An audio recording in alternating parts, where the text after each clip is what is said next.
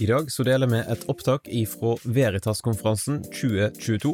Veritas-konferansen er i hovedsak et samarbeid mellom tre organisasjoner. NLA, Mediehøgskolen Gimlekollen, der Damaris Norge er en randsonevirksomhet, og laget NKSS og Bibelskolen i Grimstad.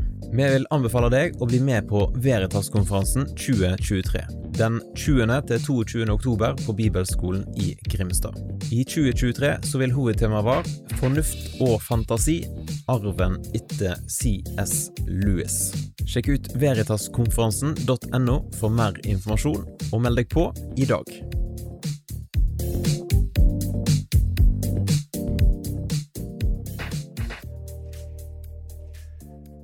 Låt mig först säga vad fantastiskt spännande det är att få vara med här. Vilken, eh, vilken förmån att eh, få dela gemenskapen på Veritas och möta så många av er. Det är en, eh, verkligen en stor förmån för mig. Det tema som vi ska mötas kring ikväll är den levande Gud och de döda avgudarna. Den levande guden och de döda avgudarna. Jag var för eh, ett par veckor sedan i Göteborg och eh, eh, skulle ta mig från centralstationen ut till en av, en av förorterna i, i Göteborg. Och jag stod i en busskur. Och då var det den här skylten. Vad går du upp för? På morgonen alltså. Och en kopp kaffe. Jag är inte sponsrad av Löfbergs Lila, men det är ett kaffe Eh, eh, en, eh, ett kaffemärke i Sverige. Vad går du upp för på morgonen? Och tanken är ju förstås att det är en massa svenskar som när man vaknar på morgonen tänker ah, fantastiskt, en kopp kaffe. Det är liksom en del av det som är meningsfullt, som känns viktigt. Och det är ganska, det är ganska enkelt att svara på den här frågan. Finns det en mening i vårt liv? Ja, då är ju en sån sak som en riktigt god kopp kaffe på morgonen. En del av oss skulle säga, ja, yeah, det där är väldigt meningsfullt, det där ser jag fram emot. Och så kan man ju tänka på massa saker som fyller ens liv med mening. Att ha nära vänner, att få lyssna på riktigt god musik, att få syssla med eget skapande, att få skriva kanske eller måla. Romantik och kärlek, att få resa och upptäcka nya platser. Det är ju för de flesta av oss väldigt enkelt att ringa in olika saker och säga ja, men det där är djupt meningsfullt, det där ger mig glädje, det där är viktigt. Jag finner en mening i livet. Många av de här sakerna tillhör det som är vackert, det som är gott. Att se en soluppgång i skärgården en sommarmorgon.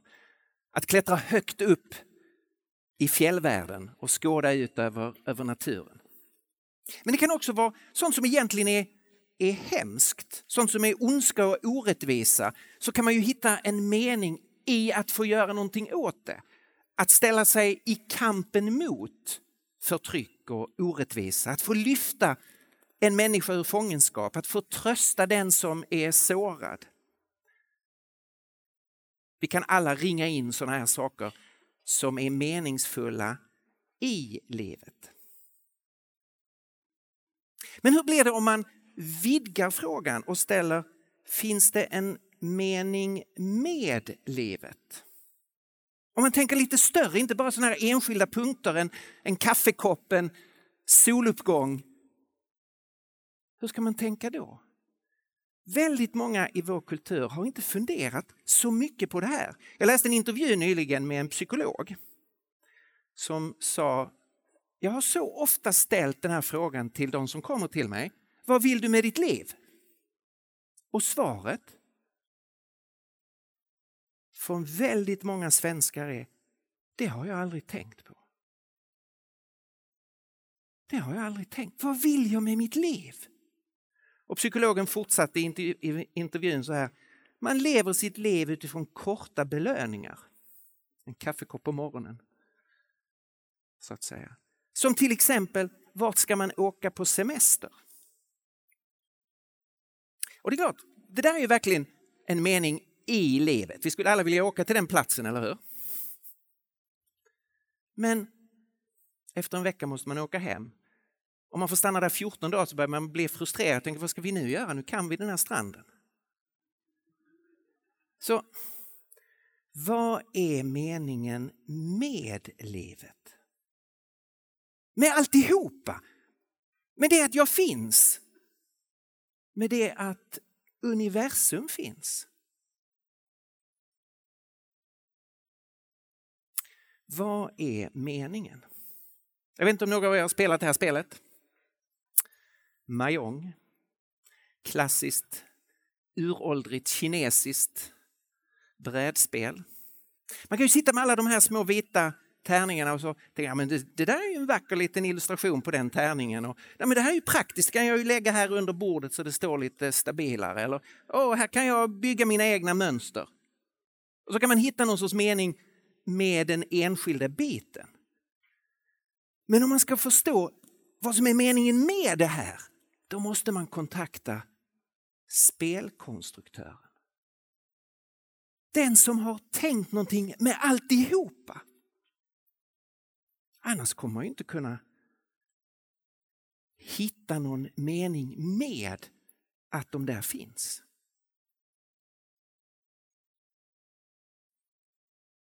I vår kultur, om nu människor till slut börjar tänka på de här frågorna, vad är meningen med alltihopa?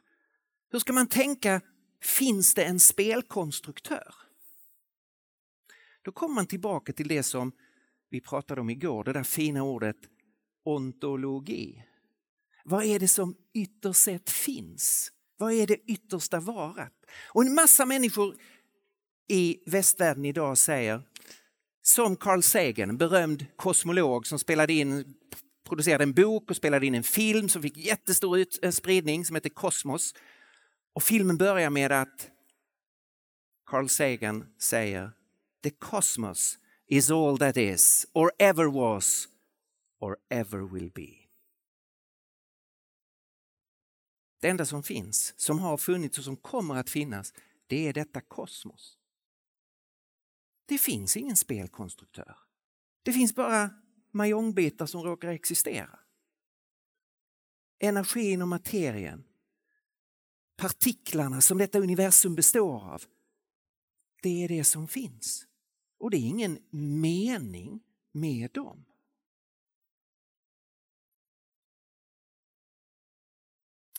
I antikens värld så fanns sådana tankar att det materiella universumet är det enda som finns.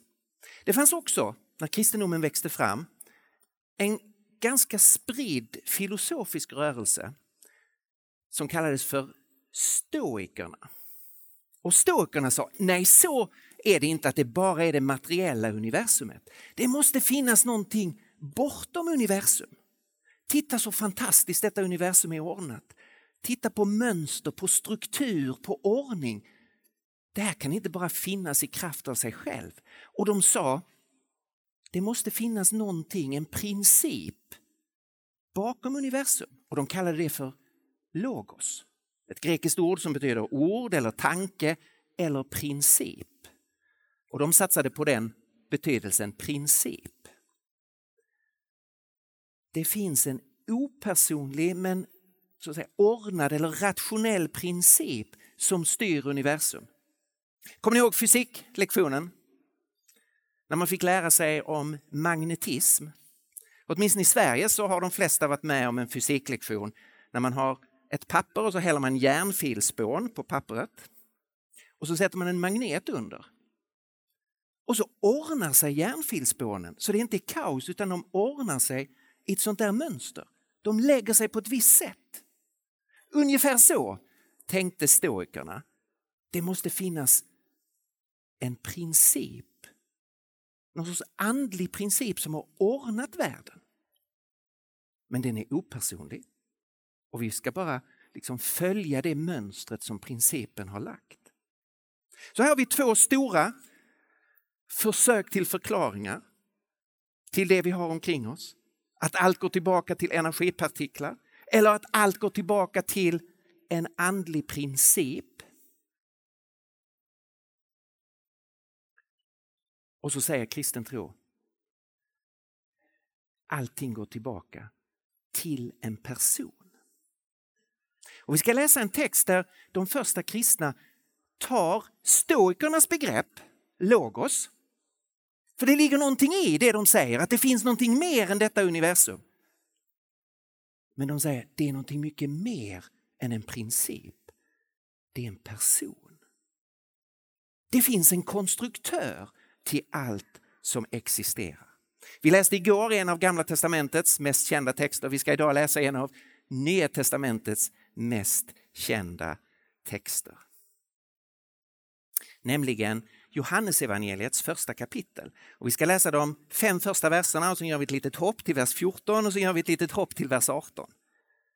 Därför att de första fem verserna och sen 14 och 18 handlar just om logos, om ordet. Så här står det. I begynnelsen var ordet och ordet var Gud. Och ordet var hos Gud och ordet var Gud. Han fanns i begynnelsen hos Gud. Allt blev till genom honom och utan honom blev ingenting till av allt som finns till. I ordet var liv och livet var människornas ljus. Och ljuset lyser i mörkret och mörkret har inte övervunnit det. Och ordet blev människa och bodde bland oss. Och vi såg hans härlighet, en härlighet som den enda sonen får av sin fader. Och han var fylld av nåd och sanning. Ingen har någonsin sett Gud. Den enda sonen, själv Gud och alltid nära Fadern, han har förklarat honom för oss.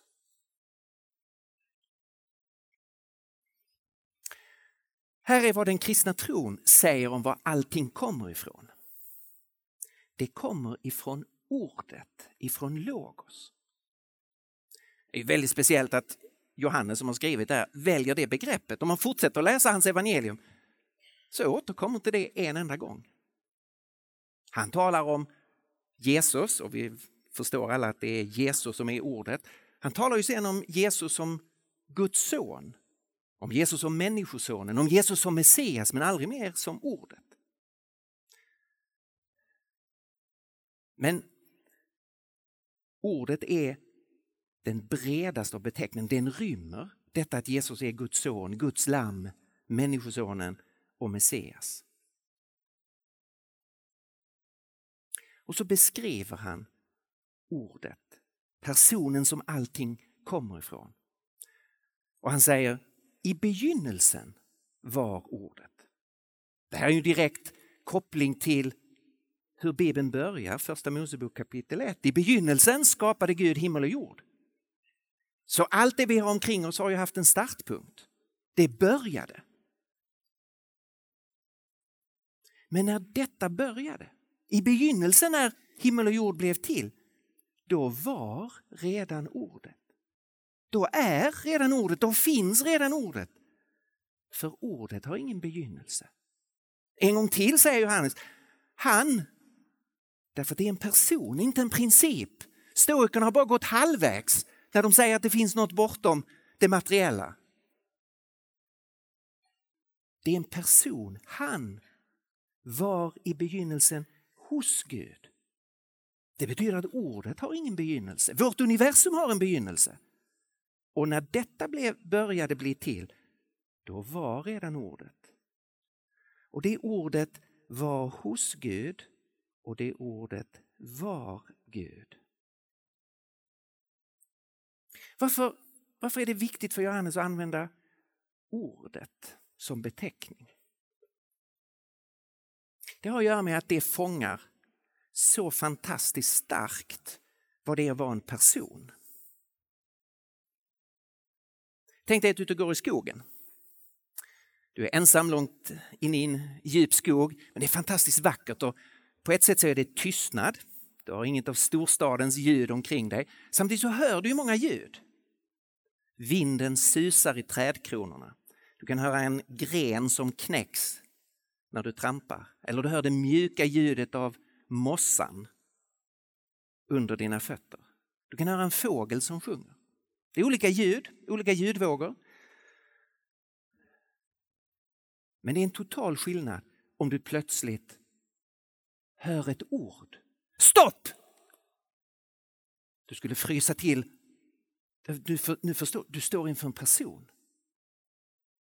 Och du kanske hör på rösten att det är något hotfullt. Men det skulle också kunna vara så att det är den mest ljuvliga röst du kan tänka dig därför att du är på väg ut till ett kärleksmöte. Ett hemligt möte med den du älskar. Och plötsligt hör du rösten som säger Kom! Och du bara fylls av glädje. Men du förstår ju omedelbart skillnaden mellan ljudvågor som kommer från opersonligt, en gren som knäcks eller vinden som rör sig i trädkronorna och det som kommer från en person som talar till dig, som kallar på dig, som vill dig någonting. Det är det Johannes säger. Allting kommer från ett ord, det betyder från en person som kallar på oss, som vill oss någonting. Och i det här fallet som vill oss väl, som vill oss gott. Så säger Johannes att ordet var hos Gud och ordet var Gud.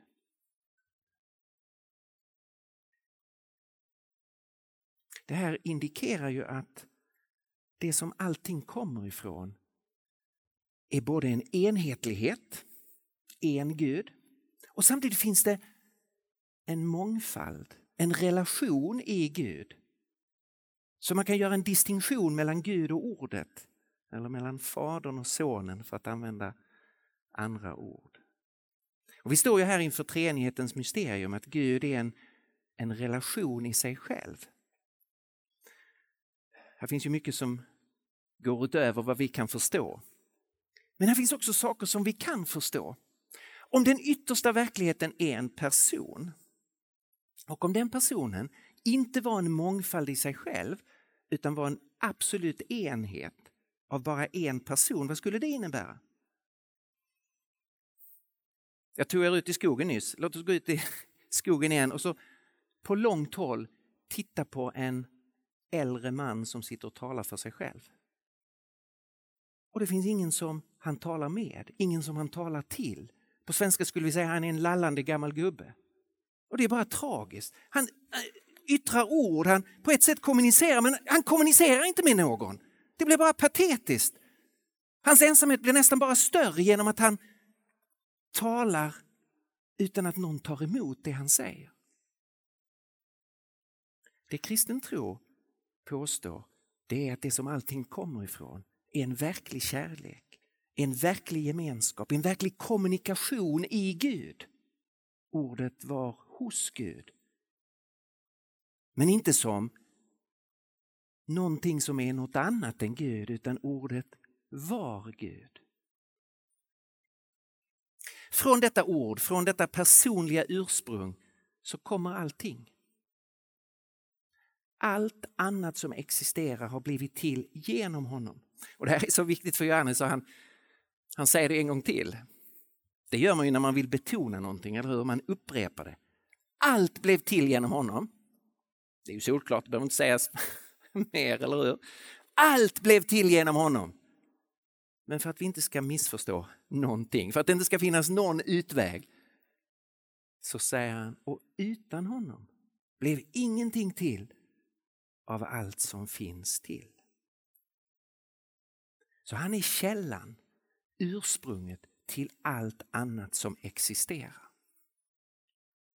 Så notera här, ordet är inte en ängel, för änglar är skapade av Gud och är inte Gud. Ordet är inte en skapelse från Gud. Nej, ordet är verkligen Gud allt annat har blivit till genom honom. Och utan honom har ingenting blivit till av det som finns till. Och så sägs det att i ordet var liv. Häng med här nu. Här finns någonting. I ordet var liv.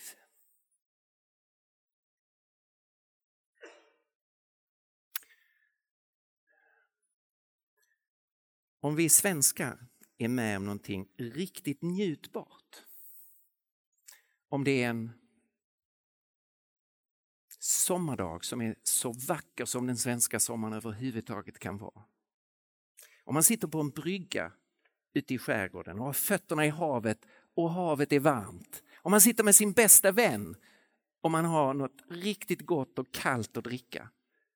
Då säger vi svenskar till varandra så här i det, i det ögonblicket när liksom njutningen bara omfamnar en så säger vi Det här är livet, ser du. Det är ett citat från Vi på Saltkråkan, Astrid Lindgren. Det här är livet, ser du.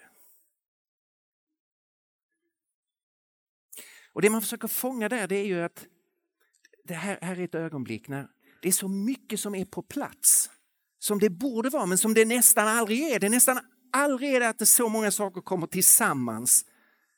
Utan det är nästan alltid saker som stör, förstör och så drar ner och som saknas och, och så. Så vi förstår ju att det finns liksom någonting som är livets essens. På svenska så har vi bara ett ord för liv. Så eh, min kropp har ju liv. Men det är inte det som jag försöker uttrycka när jag sitter där på bryggan. Oh, äntligen har min kropp liv. Det har den hela tiden. Blodet pulserar och hjärtat slår och de inre organen fungerar och sådär. Så det är inte det som är liksom äntligen, utan det är någonting annat här. När liksom existensen faller på plats. På grekiska, det är ett lite rikare språk, så har man ett, ett ord för det här biologiska livet. Det heter passande nog bio. Det är därifrån vi har biologi. Bio, det, det biologiska livet, kroppen fungerar. Men sen har man ett annat ord för liksom det andliga livet. Det här det som är liksom livets essens, Zoe. Och då förstår ni vilket ord Johannes använder här. I ordet var liv. I ordet var liv. Och vi, vi vet ju alla om att det livet vi längtar efter går utöver det biologiska. Vi människor vi kan ju lägga oss själva i ett värmeskåp med dropp. Och så kan man upprätthålla bio. Det biologiska livet kan fortsätta lång tid. Men ingen skulle säga wow, den personen lever verkligen. Kroppen lever men allt annat är ju fråntaget. Liksom. Det som vi längtar efter har sin källa i ordet. I ordet var liv. Och så fortsätter texten. Och livet var människornas ljus. Om man tänder ett ljus i mörkret, och människor finns i ett mörkt rum och så tänder man ett ljus, så dras ju alla till det. Vi söker efter ljuset. Så här är det ju med oss människor efter syndafallet. Att vi söker efter det liv som vi inte längre fullt ut har.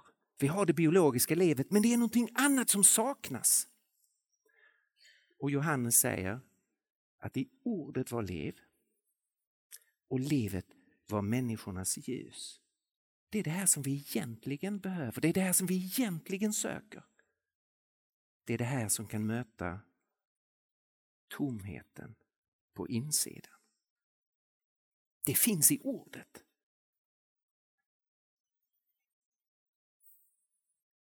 Det är därför Jesus sen kan använda sådana här uttryck. Jag är livets bröd. Den som hungrar kom till mig och ät. Jag är det levande vattnet. Den som törstar kom till mig och drick. Och han kan ju säga, jag är, san jag är vägen, jag är sanningen, jag är livet. Nu har vi ett problem här. Och för att förstå det problemet ska jag använda en term som jag har lärt mig utifrån det fasansfulla kriget i Ukraina. Eh, falsk flagg. Jag kände förstås till eh, uttrycket att segla under falsk flagg. Att ett fartyg kan eh, hissa en felaktig flagga för att inte röja sin identitet. Men det används också lite bredare i krigssammanhang när man försöker lura fienden kanske förklä sig så att man ser ut som man tillhör det, det andra laget, det andra gänget. Eller man gör en manöver så fienden tror att oh, nu kommer de att göra en stor grej där och så verkligen förbereder man en stor grej här. Det har ju hänt en del i, i Ukraina att de har lurat varandra så. Det kallas för eh, falsk flagg. Det som pågår över hela jorden, det är att det finns en ond makt som kör med falsk flagg och som tänder ljus. Och så börjar vi söka utifrån de ljusen. I ordet finns liv och livet var människornas ljus. Och så tänds det andra ljus. Och så söker vi efter livet där livet inte finns.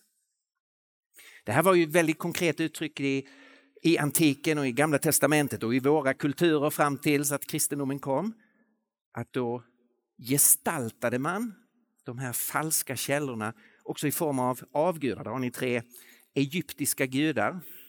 Osiris, Isis och Horus. Det känns ju fullständigt irrelevant för oss, vi reser inte den sortens avgudar. Men det betyder ju inte att de falska ljusen inte finns. Vi springer ju som galningar i vår kultur efter ljus som inte ger liv.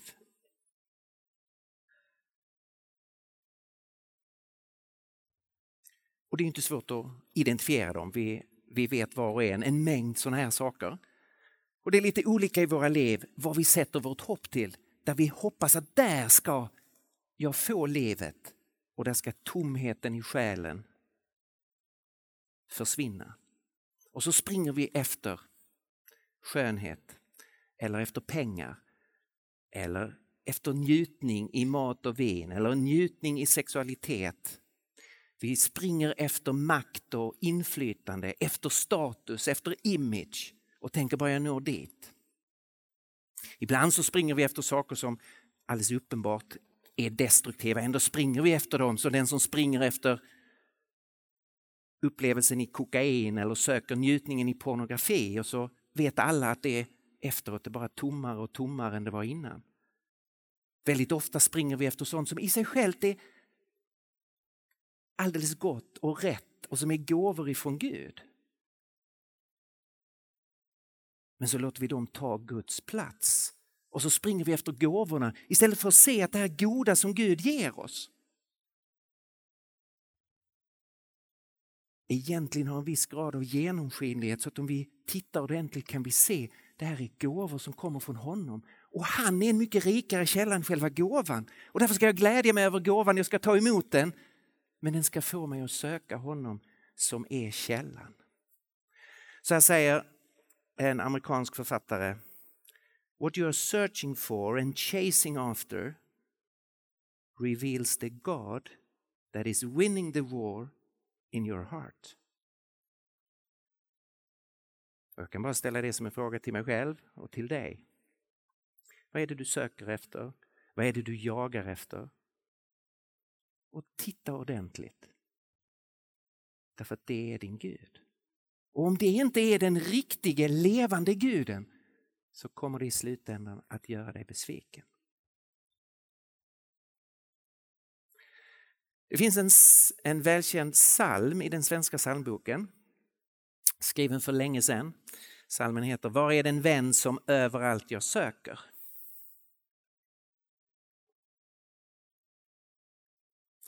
Och den går så här. Ack, när så mycket skönt i varje åder av skapelsen och livet sig förråder. Hur skön då måste själva källan vara, den evigt klara. Det är precis så vi ska tänka om det goda, de goda gåvorna som Gud ger till oss. De ger en signal om själva källan som är godhet och skönhet och ljuvlighet, salighet i sig själv. Men salmen har som överskrift Var finns den vännen?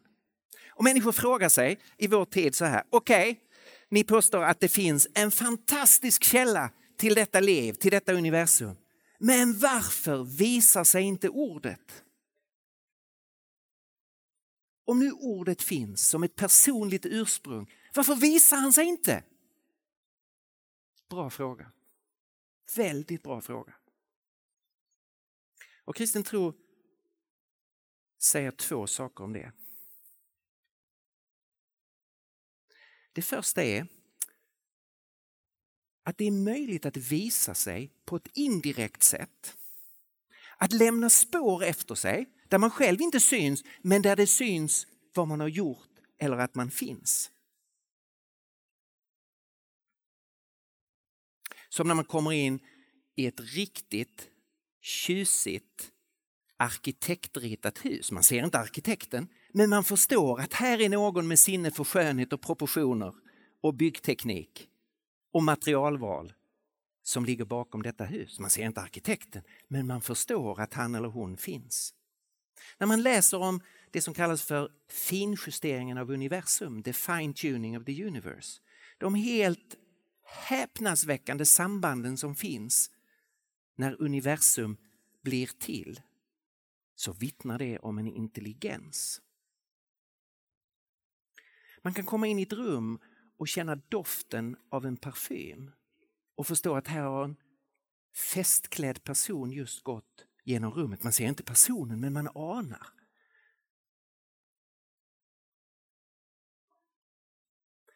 Enligt kristen tro så har Gud visat sig indirekt på det sättet att universum speglar någonting av hans makt, av hans härlighet, av hans skönhet. Och att du och jag i någon liten mån är en avbild, även om vi ofta är deformerade så är vi fortfarande en avbild av Gud och det går att förstå någonting av honom. Men enligt kristen tro har Gud också visat sig på ett direkt sätt. Han har valt att själv kliva in i den skapelse och den historia han har skap, eh, som, eh, som han har rullat igång. Och det är ju det mest häpnadsväckande med det vi har läst. Att ordet blev människa. Ordet av evighet, som allting kommer ifrån. Ordet i vilket livet finns, det liv som är vårt ljus och som vi egentligen längtar efter, trots att vi springer åt så många andra håll. Det ordet har blivit människa, klivit in i historien.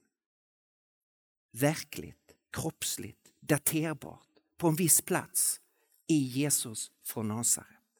Han blev människa. Han bodde ibland oss.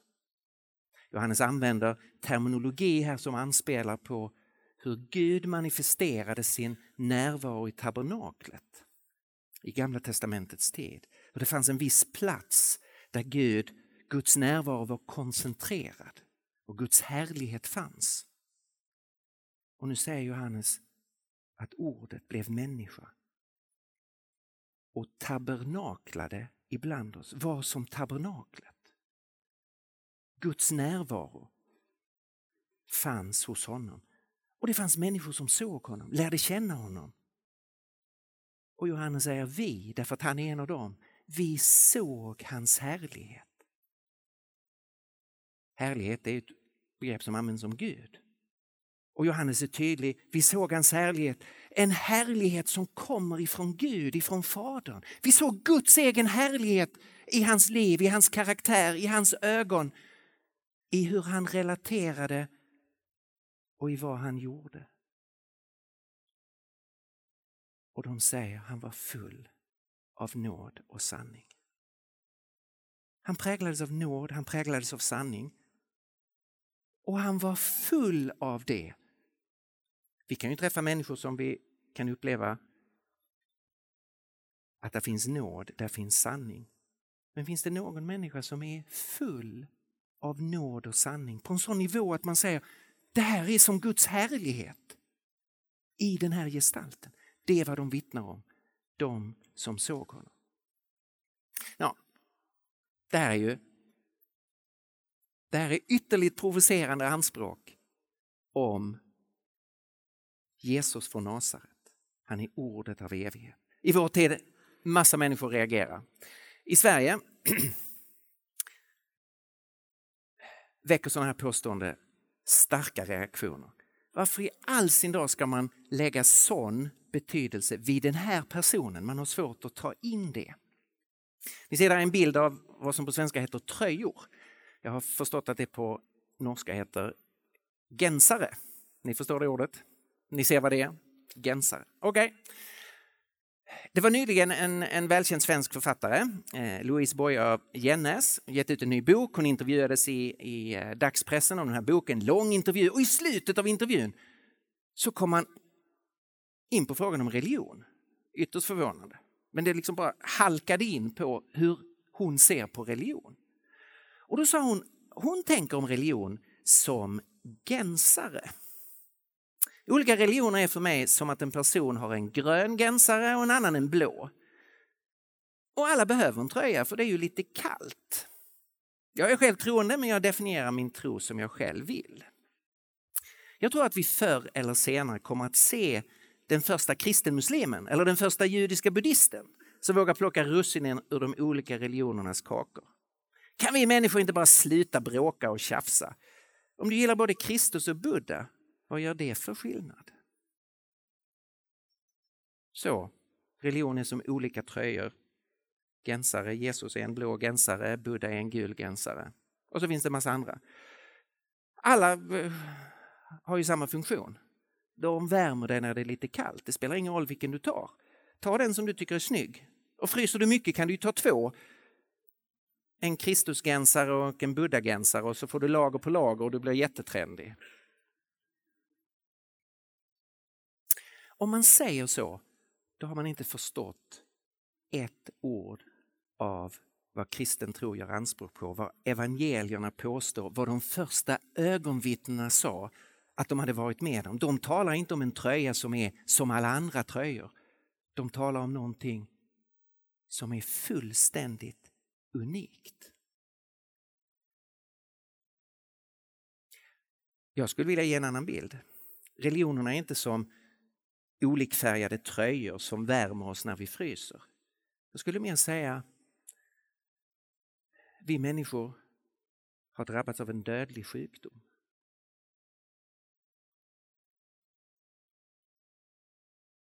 Och runt om i världen så finns det en massa erbjudande om medicin. Problemet är bara att i princip all av den här medicinen är placebo eller alternativ medicin och hjälper inte ett smack mot den sjukdom vi har. Det kan kännas bättre för ett litet tag, du kan tro och hoppas att den ska hjälpa dig. Men den löser inte ditt problem med den dödliga sjukdomen. Men det evangeliet erbjuder, det är en medicin som botar. Det är det som kan ge liv åt den som har en dödlig sjukdom. Johannes slutar med att säga, ingen har någonsin sett Gud. Så är det. Ingen har någonsin sett Gud. Och I utgångspunkten står vi ju därför i liksom en, en förvirring här. Vi kan ana att det finns en Gud men ingen har ju sett Gud. Det blir lite som, det här är tydligen ett okänt språk. Man förstår att det är ett språk men ingen har lyckats tolka det, tyda det. Men så säger Johannes, den enda sonen, själv Gud och alltid nära Fadern, han har uttolkat honom för oss. I de andra religionerna så finns det inte en sann uttolkning av vem Gud är. Det här är de enorma anspråken som kristen tro gör. Och då ska jag sluta med att säga så här. Det finns två frågor som du och jag och som vår kultur behöver ta på allvar. Det första är undersöka den här frågan. Är det så att världen bär spår av ordet? Och den andra frågan är, kan det vara så att det ord som har skapat världen har blivit människa i Jesus? Det är de två viktigaste, största frågorna att ta ställning till. Vi behöver utmana oss själva, vi behöver utmana vår samtid. I Sverige så finns det en skraplott som heter Triss. Alla i Sverige känner till Triss, en sån här lott du skrapar och du kan vinna riktigt mycket pengar. Om jag hade haft en skraplott här, en trisslott, och hade gett den till dig, så vet ju både du och jag att nästan alla trisslotter är nitlotter. Det finns ingenting där bakom. Det är noll. Ändå så vet jag helt säkert att om jag hade gett dig en trisslott så hade ingen av er bara slängt den och sagt ah, men de flesta är ju nitlotter. För i så fall är du en galning. Det kan ju vara så att hela ditt ekonomiska liv förändras om du skrapar den och det är vinst. Här är utmaningen. Jag har försökt presentera Jesuslotten för er. Jag vet om att de flesta religioner och filosofier och religiösa påståenden är nitlotter, det finns ingenting bakom. Men det är vansinne att inte skrapa Jesuslotten. För är det sant, då är det här du finner det livet du längtar efter. Då är det hos honom som hålet i hjärtat kan helas. Då är det hos honom som dödens sjukdom kan övervinnas. Kom igen, det är klart du ska skrapa Jesuslotten, eller hur?